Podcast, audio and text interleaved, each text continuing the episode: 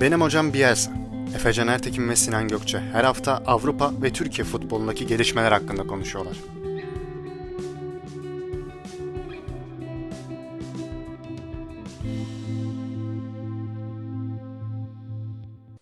Benim hocam Bielsa'nın 12. bölümüne hoş geldiniz. Sinan Gökçe ile beraber bu hafta futbolda olan gelişmelere şöyle bir göz atacağız. Neler yaşanmış, neler bitmiş. Kendimizce beğendiğimiz konuları seçtik yine. Her zaman olduğu gibi. Sinan selam abi nasılsın? İyiyim abi nasıl olayım? Yani keyifliyim. Seni e, NBA'de Fantasy Ligi'nde zorlu bir haftanın sonunda yenebildiğim için mutluyum. Sen nasılsın asıl? Yani yenilginin üstüne biraz sana sormak lazım. Ya ilk iki maçımı kazanmıştım. Şimdi üst üste iki maç kaybettim. O biraz keyifler kaçık ama yani Covid etkisi, sakatlıklar benim belimi çok büktü. Onu söylemem lazım. Çocuklar iyi savaştı ama o Anthony Davis ihanet etti takıma. Bunu söyleyebilirim. Yani senin belin büküldü de bizimkisi bükülmedi mi? Öyle söyleyeyim. Yani bir Phoenix Suns belası yaşadım. Şöyle benim hiç Phoenix'li oyuncum yoktu ama bütün oyuncularım bu hafta o hafta içerisinde yani geride bıraktığımız hafta içerisinde Phoenix'le oynadı. Bundan dolayı sürekli ertelenen maçlarla karşılaştım. O bayağı canımı sıktı. Zaten takımın askeri olarak nitelendirdiğim insanların bir kısmı bayağıdır Covid'den yatıyor. Yani Philadelphia'da oldukları için sıkıntı. Onlar artık yani ne çeşit bir Covid'ler bilmiyorum. 10 gün oldu. Hala o iki negatif veremediler. Mutasyona uğradı Onlar. herhalde onların Covid diye düşünüyorum. Abi onlarda şey olmuştu ya. Seth Curry biliyorsundur hikayeyi belki anla, yani bilmeyenlere Seth anlatayım. de benim takımımda zaten. İşte ha, Seth Curry maç esnasında öğreniyor. Baya kenarda otururken böyle maskeyle. Aynen ilk çeyrekte değil Sen mi? bana pozitifsin aynen. O videoyu apar topar götürüyorlar. Embit membit sonra otelden çıkamıyorlar bunlar işte. Abi çok evet, çok yani. yani. Hiç NBA'de aslında düşünmeyeceğin şeyler ama bilmiyorum. Zaten bu konuda detaylı e, şeyler dinlemek isteyenler muhtemelen podcast'i dinliyorlardır. Şimdi çok da biz NBA'deki korona durumunu şey yapmayalım ama ya bizim gibi fantezi oyuncularını çok ciddi etkiliyor yani. Öyle abi öyle etkiliyor. Yani bak Jalen Brown geldi. Hafif bizi bir umutlandırdı. Jalen Brown çok önemli oyuncuydu benim için. Bu sezonda iki, benim başka bir fantazi ligim daha var bu arada. Orada da benim takımımda. Senle olan ligimde de benim takımımda. Onun için o gidince iki ligde de kaybettim ben. Bakalım ya göreceğiz. Yani bu hafta ikimizin ortak tatsız olduğu bir konu daha vardı. O da Bundesliga maalesef. Sorma abi. Hafif girizgahta bahsedelim. Bu tatsız olayları böyle kapatalım. Hani ben biri senin için tatlı ama benim için iki tatsız olay peş peşe. yani ne de ne sen ne söylersin? Abi bu konu valla hakkında? Bundesliga ile ilgili muhtemelen yani burada çok şey konuştuk geride bıraktığımız 10 bölümde. ee, söylenecek şeyi bence zamanında sevgili Sergen Yalçın söylemişti. Oynayanlara tavsiyesi Bundesliga'ya bulaşmamaktı. Ve biz o hatayı yani her cuma geldiğinde bizim işte bahis grubumuzda şunu konuşuyoruz abi. Bu hafta ne olur kimse Bundesliga'dan maç vermesin. En sonunda muhabbet bir şekilde abi Bayern Münih bu haftada kazanamazsa, Dortmund bu haftada kazanamazsa'ya dönüyor. Ve işte bir hafta Bayern Münih kazanıyor, Dortmund kazanamıyor. Bir hafta Leipzig kazanamıyor. Olan bize oluyor. Son ya Marco Reus'a ya bitireyim lafımı evet yoksa ya. Marco Reus'a gerçekten evet, evet. çok kötü küfür edeceğim. O Royce'u o penaltıyı attıranlara da küfür edeceğim. Etmemek için ben bitireyim sen yani Bundesliga hakkında ne söyleyeceksen söyle. Kimse Bundesliga'ya bahis yapmasın. Son bu konudaki cümlem Kesin. olsun. Kam kamu spotumuz budur. Kesinlikle yapmayın. Yani o bu arada o Mainz ya Borussia Dortmund Mainz maçının da Mainz'ın golün, golü ve sonrasını izlemelerini öneririm. Ya hakikaten inanılmaz bir bölümdü o. Yani biz en azından bahis grubu olarak kahkahalar içinde izledik yüksek ihtimalle. Sinir bozukluğunda. İnanılmaz ya. Mainz'ın Schalke kadar puanı var. Adamlara top oynattık. Vallahi seri bozanlığımız şey ya. Dünyalara nam saldık ya. Vallahi hocam. O zaman böyle de bir bizim için haftayı toparladıktan sonra Süper Lig Süper Lig haftasına geçelim. Bu hafta derbi vardı Süper Lig'de. Beşiktaş 2-0 kazandı. Liderliğini sürdürüyor 38 puanla. Önemli bir derbiydi. Sonucu merak ediliyordu. Ya ben de açıkçası nasıl futbol olacak, ne olacak merak ediyordum. Ee, ama şöyle beklen ya bek, benim beklentimi e, futbol olarak karşılamasa da sahada beklediğim şeyleri gördüm. Yani Beşiktaş'ın daha derli toplu olduğu, Galatasaray'ın yani neredeyse sadece duran toptan gol bulabilecekmiş havası vardı bence bütün maç boyunca. Ben bir de çalıştığım için e, maç esnasında biraz spor servisindeki insanların insanlara sohbetimden de biraz çıkarımlar yapıyorum. Yani ama gerçekten öyleydi. Hatta o Markao'nun bir tane kaçırdığı, Atiba'nın çıkardığı pozisyon var. Mesela o, o tarz bir e, üretim yapabilirdi Galatasaray gibime geliyor. Onun dışında çok e, verimli değildi. Cagney'in Onun... ilk yarıda bir pozisyonu vardı. Belki hatırlar. Evet. Ersin'le böyle bir hafifte penaltı aradı biraz aslında ha, evet, pozisyona evet, evet, Tamam, hatırladım. Hatırladım aynen. Ee, abi peki yani şimdi biraz Galatasaray'dan giriş yaptım ama Beşiktaş'a döneceğim tekrar. Ee, ya Beşiktaş Sergen Yalçın yönetiminde zaten büyük maçlardaki performansı ortada. Ya bu zaferde de sen aslan payını Sergen Yalçın'a mı verirsin? Öyle pas atayım sana. Abi şöyle şimdi ya Sergen Yalçın'ın payı hiç azımsanamayacak düzeyde. Çünkü Beşiktaş 1988-89 sezonundan bu yana ilk kez aynı sezon içerisinde Trabzonspor, Fenerbahçe'yi ve Galatasaray'ı bir Süper Lig sezonunun ilk yarısında mağlup etti. Yani bayağıdır böyle bir performans hiç görmemiştim. evet, tabii. Beşiktaş'ın performansını şöyle Sergen Yalçın'a yazabiliriz. Bence bir şekilde rakibe istediği oyunu oynattı. Galatasaray çok kontrollüydü. Yani Galatasaray'ın maç öncesi yorumlarda da işte üretim problemi yaşayabileceğinden falan yorumcular hep bahsediyordu. Zaten öyle de oldu. Hani evet kırmızı karttan sonra geldi goller ama Beşiktaş rakip yarı alana iyi yerleşti. Yani Beşiktaş'ın en arkadaki oyuncusu aslında savunmaya en yakın oyuncusu Hozef'ti ama düşün ilk golü Hozef attı. Hozef bile çok öndeydi yani. Galatasaray bu kadar geride bekledi Beşiktaş'ı. E şimdi böyle olduğunda bilmiyorum ya Sergen'in değişiklikleri de bence maça çok etki etti. O yüzden ben büyük bir kısmını Sergen Yalçın'a veririm. Ama onun dışında kime yazar diyorsan bilmiyorum bence Beşiktaş o kadar da iyi oynamadı. Yani çok daha iyi oynadığı maçlar vardı bu sezon içerisinde. Çok işte Mehmet Demirkol dedi galiba zannediyorsam maç sonu programında. Yani Beşiktaş %70'ini sahaya koyarak kazandı ki bu Galatasaray için aslında daha kötü bir e, resmin açıklaması dedi. Bence de öyle. Yani Beşiktaş çok da iyi bir futbol oynamadan maçı kazanmış Doğru. olması Galatasaray'da bazı şeylerin artık daha da kötüye gittiğini işaret ediyor. Galiba Oğulcan'la Şener de 2 ve 3 hafta sahalardan uzak kalacaklar. Evet evet. Bundan sonrası onlar için nasıl olacak bilemiyorum. Ya abi ben de zaten Beşiktaş iki tarafa baktığımda da daha iyi oynayan ve daha derli toplu oynayan taraftı bence de. Yani en iyi futbolunu oynamadı. Beşiktaş'ın bundan daha iyi oynadığı maçlar kesinlikle var. Hatta 2-3 tane var yani. Ama Galatasaray'a göre daha derli toplu. Daha ne yaptığını bilen bir takım gibiydi yani. Bana göre. Ee, ya burada da mesela Sergen Yalçın'ın maç sonu demeçleri de benim çok ilgimi çekti. Ee, zaten biraz duygulanmış bir Sergen Yalçın tezahüratı yapmış galiba oyuncular. Abi bir de Fatih Terim'e karşı lafını böldüm. İlk galibiyeti olması lazım kariyerinde. Evet yani evet. Üç beraberlik doğru. bir mağlubiyeti vardı. Bu ilk galibiyeti olmuş olması lazım.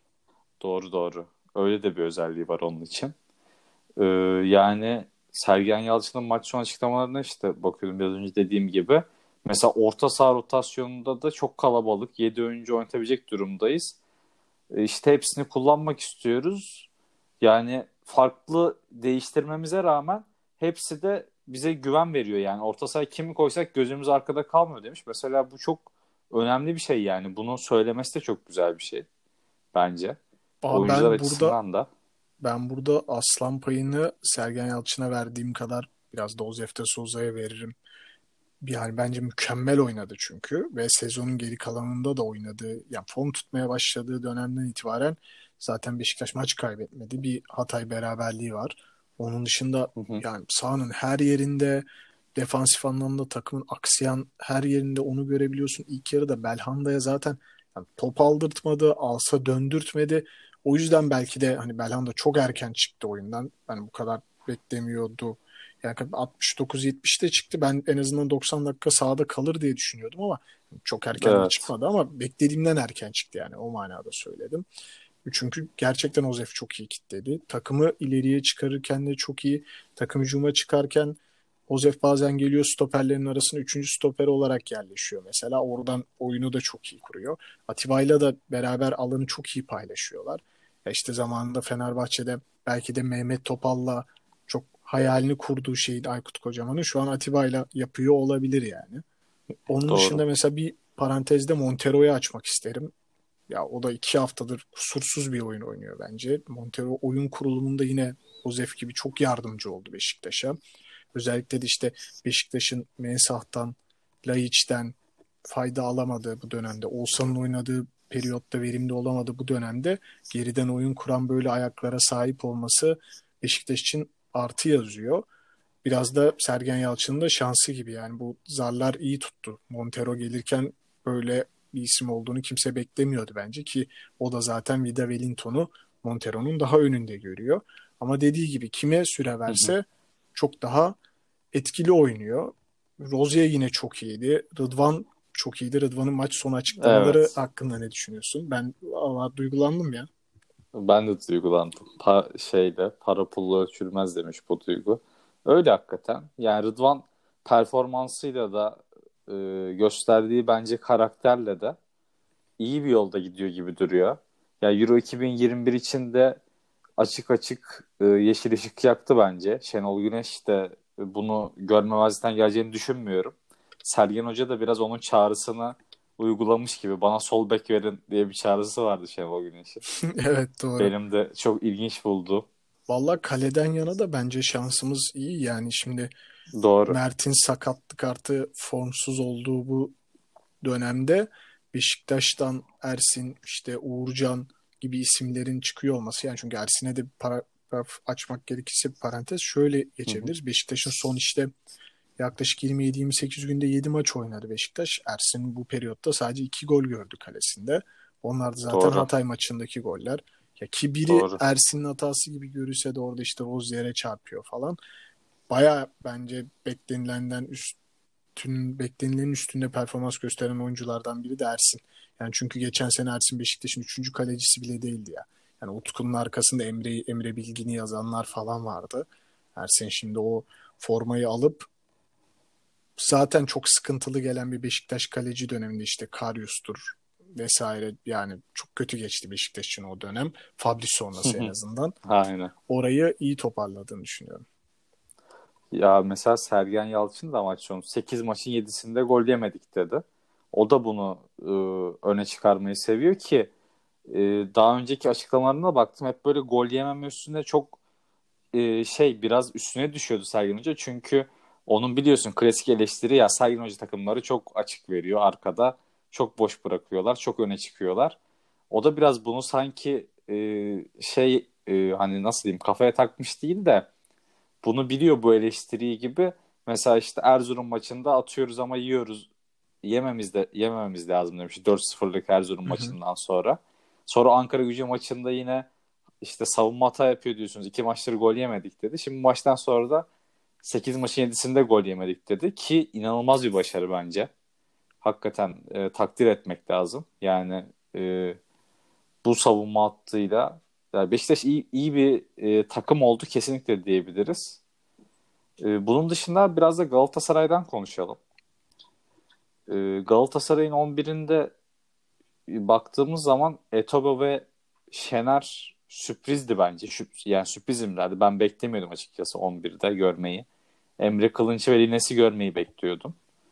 Burada sence Fatih ne düşünmüş olabilir? Ne, neden işlemedi ya da bu düşündüğü şey? Ya da işledi mi? Sana Abi göre. şöyle başlayayım. Ben senin aksine Şener'i bekliyordum. Çünkü bir önceki programda da Galatasaray'ı uzun bir süre konuşurken ben e, Doğru. Şener'in performansını evet. o maç özelinde beğendiğimi söylemiştim. Bir de maç önünde de Fatih Terim biraz benim düşündüğüm gibi düşünmüş o da. Yani ben onun gibi düşünmüşüm aslında. E, Kyle Larin'in özellikle oradaki arka direk performanslarını önleyebilmek için Şener'in savunma yönüne bir tık daha güvenmiş gibi. Etebo da biraz Beşiktaş'ın orta sahadaki fizik gücünü ve pas kalitesini düşürmeyi amaçlayan bir hamle gibiydi. Ama tabii Etebo hamlesi aynı zamanda Galatasaray'ın hücum gücünü çok etkiledi. Evet. Yani bu bir işte nasıl diyorlar bir trade-off aslında. Yani sen orada Beşiktaş'ın hücum gücünü azaltmak istiyorsun ama bu senin de hücum gücünü azaltıyor. O yüzden biraz ya kırmızı kart olmasa belki buradan gelebilecek bir beraberlik sonucu Fatih Terim'in planlarının işlediği sonucuna çıkartabilirdi. Ama işte futbol biraz böyle bir oyun. Kırmızı kartta biliyorsun oyunun Evet, tabii. her şeyini değiştiren bir şey. Kesin. Şu an Beşiktaş buradan 3 puanla ayrıldığı için Fatih Terim'in Etobo planı tutmadı demekten başka herhangi bir şey gelmiyor yani insanın eline. Doğru. Ya burada bakıyorum mesela e, Feguli oyuna girmedi. Sakatlıktan dönmüştü. Hı hı. Ya tabii hoca daha iyi bilecektir yani onun durumunu. Neden oynatmadı bilmiyorum. Ama olsa bence fark yaratacak bir oyuncuydu böyle maçlarda. Ki arkada Genellikle açıkta evet, verdi. Beşiktaş. Evet. Ya orada e, işi bitirebilirdi. Ama tabii dediğin gibi kırmızı kart da biraz e, etkili oldu maçta. Ya ama kırmızı karttan önce de ben Beşiktaş'ın daha derli toplu, daha iyi olan taraf, sağlam duran taraf olduğunu düşünüyordum maçta. Ama etkiledi. Peki o zaman şöyle biraz e, ya Beşiktaş'a bu arada et- ekleyeceğim bir şey varsa ekle. Biraz Galatasaray'la ilgili Galatasaray'ın geleceğini konuşup oradan Avrupa'ya atlayacağım çünkü. Abi valla yani herhalde hakkı verilmesi gereken herkesi övdük. Ee, Evet. Sadece son belki bir iki cümlede şey söyleyebilirim. Ya bu kadar herkesten verim alan Sergen Yalçın'dan bu Laiç'i döndürüp döndüremeyecek mi? Ya gerçekten çok merak ediyorum. Çünkü Bakalım. Şimdi Fenerbahçe'nin de Mesut hamlesinden sonra Beşiktaş için de hiç olmadığı kadar kıymetli bir yere geldi. Aynı şekilde Mesut için de konuştuysak bence Laiç için de geçerli. Bu oyuncular kafasını sahaya verdiğinde oyunu tamamen değiştirebilecek oyuncular. Katılıyorum. Zaten e, zafer pozunda da vardı Beşiktaş'ın paylaştığı Adem Laiç. Yani takımdan uzak değil. Sergen Hoca'nın maç sonu açıklamalarında da ismi geçiyordu. Antrenmanlara başladı diye. Gökhan Töre ile beraber. Yani o da üstüne düşüyor bence. O da e, senin söylediğin gibi düşünüyor. Bence Sergen Hoca da. Yani neden düşünmesi zaten? Böyle bir oyuncu varken e, değerlendirmek herkes ister. Abi Galatasaray'da da şöyle kapatacağım bu derbi muhabbetini. Muslera'yı haftaya oynatacağım dedi Fatih Terim. Sence bu dönüş e, Galatasaray'ı e, nasıl etkiler? Abi Yani şöyle önemli bir isim. yani Muslera'nın varlığı her zaman hele de yokluğuna kıyasla inanılmaz etki eder. Bir de yani Okan'ın falan performansını ben gerçekten hiç beğenmiyorum. Yani bence hiç Ee, Galatasaray yani- seviyesinde değil. Ya, bu, ya Muslera'nın da ne kadar özel bir adam olduğunu düşünürsek özellikle Galatasaray ve Türkiye için Muslera'nın varlığı birçok şeyi değiştirecektir ama bence ya Galatasaray ön taraftaki üretkenliğine bir çözüm bulmak zorunda. Yani Falcao ile olmuyorsa Falcao'yu gönder zaten galiba Mustafa Cengiz de öyle bir şey dedi. Hani teklif gelse düşünürüze bağladı aslında basın Evet toplantısında. evet. Doğru. Ee, yani gerçekten sürekli skor yapabilecek ya da skora sürekli katkı edebilecek diyeyim cümleyi daha doğru kurayım. Bir forvetle Galatasaray bence tekrardan o kaybettiği havayı bulabilir. Çünkü ben çoğu konuşulanın aksine Galatasaray'ın kadrosunun rakiplerinden o kadar da geride kaldığını düşünmüyorum. Ben de öyle. Zaten bugün programdan önce de konuşuyorduk. Yani bu ligde her şey değişiyor. Ki Arda da mesela maç sonunda Arda Turan da söylemiş. Yani 2-3 hafta önce liderdik. Hani şimdi bugün tabii üzgünüz ama tekrar olabiliriz diyor. Ki hakikaten buna çok açık bir lig. Hala yani ligin yarısına geldik ama puan farkı 5. Daha oynanacak e, çok fazla maç var. Yani tekrar oraya gelmemesi için hiçbir sebep yok Galatasaray'ın. Ben yarıştan koptuklarını da asla düşünmüyorum.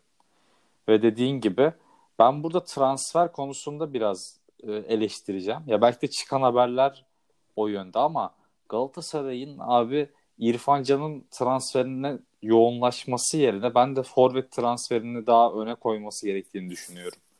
Yani öncelik bence forvet olmalı şu an. Elinde hani Cagney gibi problemli bir karakter var. Falcao gibi yani papatya falı gibi bir adam var.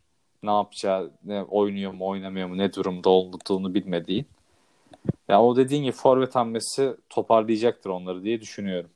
Katılıyorum ya yüzde yüz. %100 yani. Çünkü Cagney'i eğer teklif varsa bir şekilde Katar'a, Arabistan'a gönderip Evet. Falcao'dan da çıkabilirse ve yani kumardır yani devre arasında bir hatta iki forvetini gönderip yerine tekrar iki forvet almak. Ama yani bu kumara ihtiyacı var Galatasaray'ın. Ön taraftaki üretme sıkıntısı onu gösteriyor bence. Katılıyorum abi. Buradan o zaman ekle, ekleyeceğim bir şey yo- yoksa Yo, yo. kapatıyorum derbiyi. Buyur abi kapatabilirsin. O zaman bu hafta ortak bir karar aldığımız, konuşma kararı aldığımız Manchester City'ye geçiyorum. Evet ya hiç konuşmadık ya çok az konuştuk Manchester City'yi bu geçtiğimiz 11 programda o yüzden biraz artık yani bu müthiş performansa bir bahsetmek gerekirdi diye düşündük. Vallahi öyle. Yani 35 puanla ikinci sıradalar ama bir maçları eksik. Gizli lider. Bu sene Premier Lig'in en sevilen tabiri herhalde. Ya bu sene her ligin en sevilen tabiri millet döküldüğü için patır patır. Hani her ligin bir gizli lideri olabilecek durumda Evet. şu an. 2-3 maç eksik Covid'den ötürü. E, ya ama Manchester City hakikaten e, gizli lider konumunda şu an. United dün berabere kaldı. Liverpool United maçı da vardı aslında ama biz City'yi konuşmayı tercih ettik. Yani hem şey yapamadık. Çok da bakamadık o maça. E, bir de çok şu- Bahsedilecek de bence bir şey yoktu. Evet, bir yani. şey de Yani olmadı. Manchester United var. maçında. Ya izlemeyenler de şunu kaçırmıştır. Bir cümle söyleyeyim. İkinci yarıda gerçekten çok iyi kaleci performansları var. Yani Alisson'la De Gea özellikle Evet, Alisson evet. çok iyi Alisson. işler çıkarmış.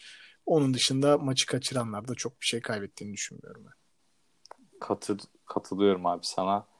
Ee, De Bruyne 100. asistini yaptı dün. Acayip bir asist bu arada.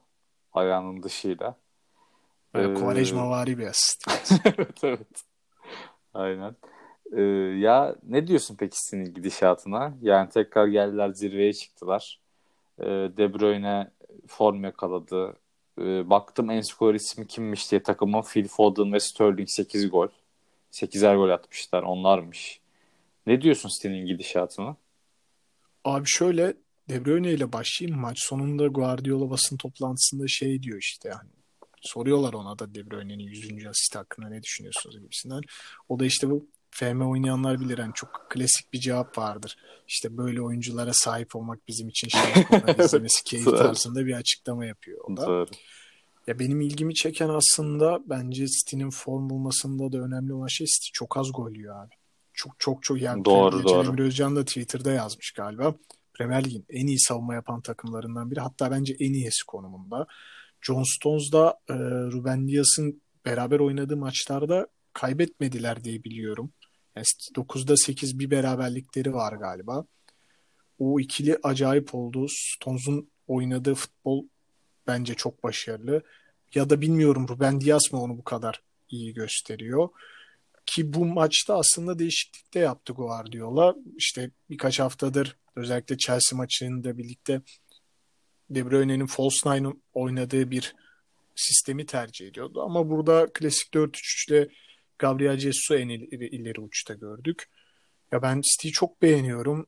Guardiola'yı da seviyorum. Ya tabii ki bir Mourinho sevgim seviyesinde değil ama e, City'nin tekrar buralarda olduğunu görmek en azından Manchester'ın iki tarafının yarışın böyle en tepesinde olduğunu görmek beni biraz mutlu ediyor. Yani Liverpool'ları biraz karşımıza almış gibi olacağız ama yani istiyorum Olsun, ya Manchester- ya bir keyif tekrar eski günlerdeki gibi ya eski günlerdeki dediğim işte City'nin ilk bu yatırımlara başladığı Manchester United'ın da gerçekten Manchester United olduğu dönemlerdeki gibi bir Manchester derbisi istiyorum ya. O yüzden City'nin bu formu Manchester United'ın formuyla beraber beni heyecanlandırıyor. Abi valla ben üçlü bir yarışa da karşı değilim. Yani Liverpool'da olsun, City'de olsun, United'da. Burada üçlü bir yarış e, gitsin. Bunlar e, büyük kulüpler. Yani görmek isterim bu yarışı da. Ben abi e, şöyle bir soru yönelteceğim sana. Maçtan önce merak ettim. E, maçtan önce dediğim yani pardon programdan önce merak ettim baktım. Sence bu sezon City'de en çok e, maça çıkan futbolcu kimdir en çok maçta forma giyen? Hmm, De Bruyne mi? Yok değil. Ama aynı mevki. Yani aynı mevki değil mi? Orta saha. Abi ilk aydır o zaman. Hayır. Hayda. Çok şaşırdım. Çünkü ilk ayda ilk ay bak ilk aydan bahsedecektim o da şey oldu. Yok. Phil Foden falan mı çıkacak? Hayır. Guardiola'nın sevdiği fetiş topçulardan. Fernandinho mu? Artık. Hayır. Abi Hayır. kim artık söyle. Rodri. 26 maç. Bak hiç aklıma gelmedi ha. Aynen. Bir de hep orada adam aslında doğru. Bazen işte böyle Son gözünün maç- göremezsin ya. Son maçta Fernandinho oynamış bu arada orta sahada. Ya genelde Rodri, İlkay, De Bruyne gibi yapmış orta sahayı. Baktım son e, genelde bu seriyi yakaladığı süreçte. E, ya Rodri de tam onun sevdiği tipte futbolcu biliyorsun. Orada Busquets vari. Ya bu sene bence biraz İlkay öne çıktı ya. Yani Kesin ya. Skora bu arada. yaptığı katkılar da çok önemli. Şimdi bu maçta da ya 4 gol var. İkisi çok iyi. Biri Sterling'in frikik golü. Ya ters açıdan ters 90'a vuruyor ki kariyerindeki ilk direkt frikik golü bu arada. Ee, bir de İlkay'ın golü de çok iyi. Yani İlkay Chelsea maçında da güzel bir gol atmıştı. Dönüp vurdu.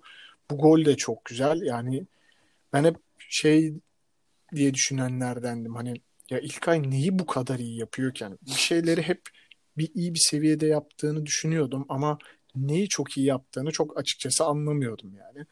Ama bu sene gerçekten ben bile hafiften bir İlkay fanı olur gibi oldum ya. Abi bu arada onun için bu senenin farkı da şöyle. Ee, en golcü sezonunu geçirecek muhtemelen City'de. Çünkü e, 6 golmüş en golcü sezonu. Şimdi şu an zaten 6 gole ulaşmış şimdiden. Evet büyük bir Yani- aksilik olmazsa geçer gibi. Yüksek ihtimalle geçer. Ki mesela yani sakatlıkları falan da olmuş çok City döneminde. Belki ondan da geçemediği olmuştur. Ama artık geçeceği kesin. Ya oyunun aslında hücum yönünde de bu kadar e, etkili olmadığı etkili değildi yani daha önce İlkay. Daha çok savunma yönündeydi. O pas trafiğinde önemli roller üstleniyordu. Belki de hücumda da bir şeyler yapabileceğini hani Guardiola kendisine de göstermiş olabilir. Kendisi de ya da böyle bir inisiyatif de almış olabilir. Ee, onun için de biraz öne çıktığını düşünüyorum ben ama performansı tabii takdire değer yani kesinlikle. Abi bir de Ben bence. City'nin biraz ihtiyacı var orta sahadan Kesin. böyle skor almaya. Çünkü yani şimdi Agüero artık varlığıyla yokluğu hani Yok. çok yani ifade bile edemiyorum. Yani hiç yok çünkü yani gerçekten bir dönüyor diyorlar ki işte Agüero sakatlıktan döndü. E, Bakıyorsun iki hafta sonra başka bir şey olmuş. Artık yani o fiziksel durumunda değil, iyi bir durumda değil yani. E, geriye bir Jesus kalıyor. E, o da yani Agüero'nun varisi şeklinde. O da sakatlık konusunda Guardiola'nın başını az ağrıtmıyor. Ya da oynadığı dönemde de çok iyi performanslar sergilemediği maçlar da Doğru. oluyor. E, şimdi böyle baktığında başka bir forvet alternatifi kalmıyor. E, Guardiola da Sterling'den, De Bruyne'den, false nine'larla forvetler yaratmaya çalışıyor. Ferran Torres'ten dediğin gibi. İşte orta sahada dedin ya Phil Foden Sterling'le beraber en çok gol Evet. katkısı veren adam yani. Ki biz burada biliyorsun Phil Foden'ı oynatmadığı için yeri geldi sövdük de yani.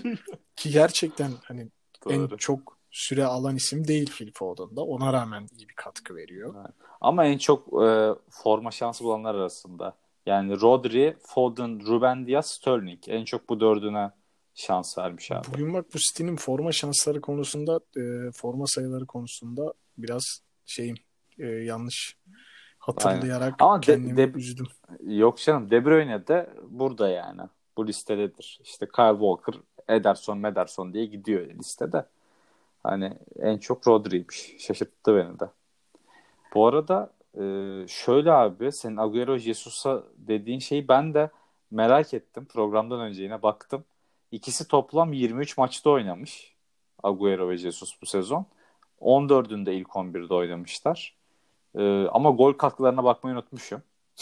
yani ne yaptıklarını bilmiyorum ama az bir sayı. İkisi toplam 23 maç yani. Bu arada bu 23 maçın içerisinde şunu söyleyebiliriz. Karabağ Cup diye tabir edilen tabii, tabii. kupada neredeyse sonuna kadar gelindi. Ee, diğer kupada da artık işte hani bayağı 5. tura 6. tura gelindi. E, bayağı da maç oldu aslında yani. Doğru. E, Rodri 26 maç. En çok maça çıkan futbolcu. Öyle düşün. Aynen. Adam o ikisi ikisinin toplam 23 yani ikisinin toplamından daha fazla. Ya bir an şimdi Aa, ligde 17 hafta oldu. E, 23 fena da Ha, değil tabii, aslında tabii. diye düşünülmesin diye. Heh, yok çok güzel düzelttin hocam. Teşekkür ederim. Estağfurullah. O zaman e, çizmeye geçelim mi? Ekleyeceğim Geçelim, bir şey yoksa. geçelim, geçelim. Buradan bir diğer artık yine sövdüğümüz ama biz kazanamaz dedikçe kazanarak yine bizim dediğimizin tersini çıkartan bir diğer takıma geçelim. Ya burada biz ama iki tarafa da sövüyoruz. Yani Evet ama Inter'e Ya konuştuğumuz ben. zaman. Allah'ım loserlar bunlar Beraber kazanamaz. Ya yine ben hala Beraber. ka- sonunu getirebileceklerini düşünmüyorum ama ben, ben de sen girişini yap, girizgahını yap, içinde konuşuruz zaten. Yo hiçbir girizgah yok abi. Ben de hiç düşünmüyorum. Yani kazandılar dün 2-0. Arturo Vidal Barella'nın golleriyle. Ben zaten e, kazanacağını düşünüyordum ama bir şeye hesaba katmamışım. Juventus'a Dybala, Dybala yoktu. Dybala yani böyle maçlarda kritik adamdır. Genel olarak kritik bir adam bence Juventus için zaten. Ee, ya bilmiyorum ya Pirlo ile olmayacağını zaten Serie A kısa zamanda konuştuğumuz Serie A programlarında söylemiştik. Ee, Yani- Ha Söyle bitir, bitir, bitir sen. Yok yok e, bitmişti benim. Yani dediğim gibi Pirlo ile olmayacağını söylemiştik daha önce de. Yine kötü bir performans Juventus'tan. Ya ben hani şöyle diyeyim bence dünün özelinde Inter tarafında inanılmaz bir Barella performansı vardı. Yani Evet. Ben gerçekten çok beğendim. Hani sadece gol değil gol dışında da çok beğendim. Hakimi zaten yani sezon genelinde çok çok iyi oynuyor. Juventus tarafında Juventus evet buraya gelirken işte bu mağlubiyetle birlikte son 5 maçta 4 galibiyet bir mağlubiyet oldu ama yani maçları kazanırken de zaten çok zorlanarak kazanıyorlardı. Evet. Ne oynadıkları belli olmadan kazanıyorlardı. E şimdi böyle baktığında Inter en azından bir şekilde ne oynadığını biliyor. Evet belki bir B planı yok o yüzden eleştiriyoruz. Belki bir C planı yok o yüzden eleştiriyoruz. Ama A planı tuttuğunda gerçekten sıkı bir takım oluyor. Özellikle ilk 45 dakika ben bayağıdır Juventus'u bu kadar aciz izlememiştim ya. Tamamen domine etti ilk 45 dakikayı bence Inter. Ya doğru doğru. İstediği oyunu oynadığı zaman e, Conte takımıyla başa çıkmak da zor abi. E, sonuçta Premier Lig diyorsun. Avrupa futbolunun şu an e, en yüksek yeri olarak gösteriyorsan bunu adam orayı domine ederek kazandı yani. Hani istediği zaman da durdurması çok zor bir sistem Conte'ninki. Ama yani ben yine e, dediğimin arkasındayım. Milan'la puan puanlar biz bu programı kaydederken. Belki bu akşam Milan kazanıp yine farkı açacak. E, ama ben Milan'a daha yakınım. Sadece Milan'ın da çok büyük şanssızlık ki Hakan Çalhanoğlu'yla e, Theo Hernandez Covid pozitif çıkmış bu arada. Ki Onlar da takımın en belki Evet. de e, önemli 3-4 silahının ikisi. Doğru. Doğru doğru kesin. Yani bilemiyorum. Bu arada Conte'ye de şöyle maçtan önce pişti olduğumuz istatistiği de söyleyelim de öyle geçelim bari. Aynen aynen buyur Şu söyle. Barcelona Bekliyorum sen söyle diye bekledim zaten vallahi. Ya Conte de e, 30 maçı geçen Inter teknik direktörleri arasında Mourinho ile beraber en yüksek puan ortalaması yakalamış. 2.18. Yani bu da aslında e, şampiyonluk alameti olabilir mi diye düşündürüyor ama bilemiyorum yani. Inter çok dengesiz bir takım. Abi Conte ile ilgili ya benim Conte'yi hep eleştirmemdeki gerçekten kendi adıma iki sebebim var. Biri gerçekten Avrupa kupalarındaki kötü bile diyemeyeceğim performansı. Yani gerçekten çok çok kötü Avrupa kupalarındaki performansı. Ama asıl sebep işte bir iki dakika önce de söylediğim gibi Conte'nin çok iyi bir A planı var abi. Ve bu A planına inanılmaz sadık. Elindeki oyuncularla bir şekilde bu A planını oynamaya çalışıyor. Bu A planını iyi oynadığında sahaya hükmediyor, rakibini domine ediyor, istediği skoru alıyor. Evet. Ama işler kötü gittiğinde Conte'nin hamleleriyle iyi bir B planı ortaya koyduğunu gördüğümüz maç sayısı çok az. Ya da B planı tutmadığında tekrar bir hamleyle oyunu değiştirip bir C planı ortaya attığı maç sayısı yine çok az. Yani bence Inter bu sene bu Milan'a karşı şampiyonluk yarışında başarılı olmak istiyorsa ya Conte'nin daha güçlü bir B ve C planına ihtiyacı var. Ben de katılıyorum kesinlikle. Ya Onu üretemeyeceğini düşündüğüm için zaten e, biraz umudum yok yani. Daha üretebildiğini görmedim şu ana kadar e, yönettiği takımlarda. Deyip e, o zaman şu hafiften de e, senin eski bir Atletik Bilbao hocası olmandan ötürü Atletik Bilbao'nun İspanya Süper Kupası'ndaki zaferini de konuşalım. Hatta onu konuşmayalım. Şöyle sana tek bir soru sorup öyle kapatalım programı. Messi'nin gördüğü kırmızı karttaki agresifliği onun geleceği hakkında bir şeyler anlatıyor mu sence? Abi şöyle anlatıyor bence. Ya o kırmızı kart pozisyonunu izlemeyenler için de şöyle çok kısa anlatabiliriz ya. Gerçekten önünden koşan rakibini artık böyle Evet yaka yani. paça tutup indiriyor aşağı yani. E tabii maçın geldiği yer şimdi uzatmaların başında Inaki Williams'ın golüyle. Acayip gol bu arada. Aynen. Ya ki Inaki Williams da biliyorsun işte baskı doğumlu olmayan aslında Bilbao'da oynayan tek isim. Ee, yani evet Bask şeyleri var ama Bask bölgesi içerisinde doğmayan tek isim. Ee, şimdi Messi normalde orada bizim bildiğimiz Messi o pozisyonda evet maçın bitimine kısa bir sürede kalsa takımını asla yalnız bırakmak istemez. Bir şekilde sinirini kontrol eder. E, topu alıp son bir şans bir atak için takımını ileri taşımak için her şeyi yapar. Ama orada artık sanki ya hani ya sizin oynayacağınız futbola da işte taktiğe de oyuncuya da deyip bam ne olacaksa olsun deyip düşürmüş gibi geldi bana. Ya artık o bir sinir patlaması gibiydi. Biraz takıma olan umudunu da kaybetmiş gibi artık. Ya bunu daha önceki programlarda da konuştuk abi. Ya gidene dur dendiğinde bu işin sonunun hayırlı bittiği tek bir örnek insanlık tarihinde yok. Gitmek isteyene dur demeyeceksin. Allah hocam 10 numara noktaladım programa. Yani bence bunun üstüne hiç konuşmaya gerek yok. Ben de sana katılıyorum zaten. Aynı düşüncedeyiz Messi konusunda. Ee, ekleyeceğim bir şey var mı? Abi ekleyeceğim bir şey şu olabilir. Buraya kadar dinleyenlerden ricam. Eğer Apple Podcast kullanıyorlarsa bizi Apple Podcast'ten Aa, e, Spotify. Biz bunu her seferinde en Evet sonunda ya, nasıl hey, Bir dahaki program kendime söz veriyorum. Bak başında söyleyeceğim. Ama Evet rica ya. ediyorum yine Apple ve Spotify'dan e, takip ederseniz e, time'ınıza, timeline'ınıza düşecektir. Yani bildirimleri falan rahatsız etmiyor zaten. Sadece time'ınıza düşecektir. Ek olarak bizi hani Twitter'dan da takip etmek isterseniz Hocam Bielsa hesabından takip edebilirsiniz. Oradan bazen bölümlerle ilgili sorular da soruyoruz ki ileriki bölümlerde de soracağımızı umuyorum. evet. Onun dışında buraya kadar dinledikleri için çok teşekkür ederim ben. Evet. Ben de teşekkür ederim dinleyenlerimize. Zaten hafta içi de bir paylaşımımız oldu bu konuyla ilgili. Ee, destekleri için herkese teşekkür ederiz. Deyip bu arada şu an çok ani bir şey geldi aklıma. Nedir abi? Abi FIFA Trippi'ye ceza vermiş biliyor musun? 28 Şubat'a kadar. Ya gerçekten bu yani son dakika. Neyse çok uzayacak ama. Çok uzayacak. Tek çok cümle. uzayacak bunu. Yani tek cümle bahisçinin düşmanı FIFA kahrol. Sadece bunu söylüyorum.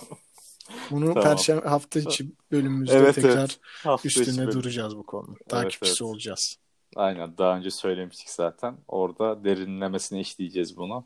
Deyip o zaman hoşça kalın. Teşekkürler dinlediğiniz için. Música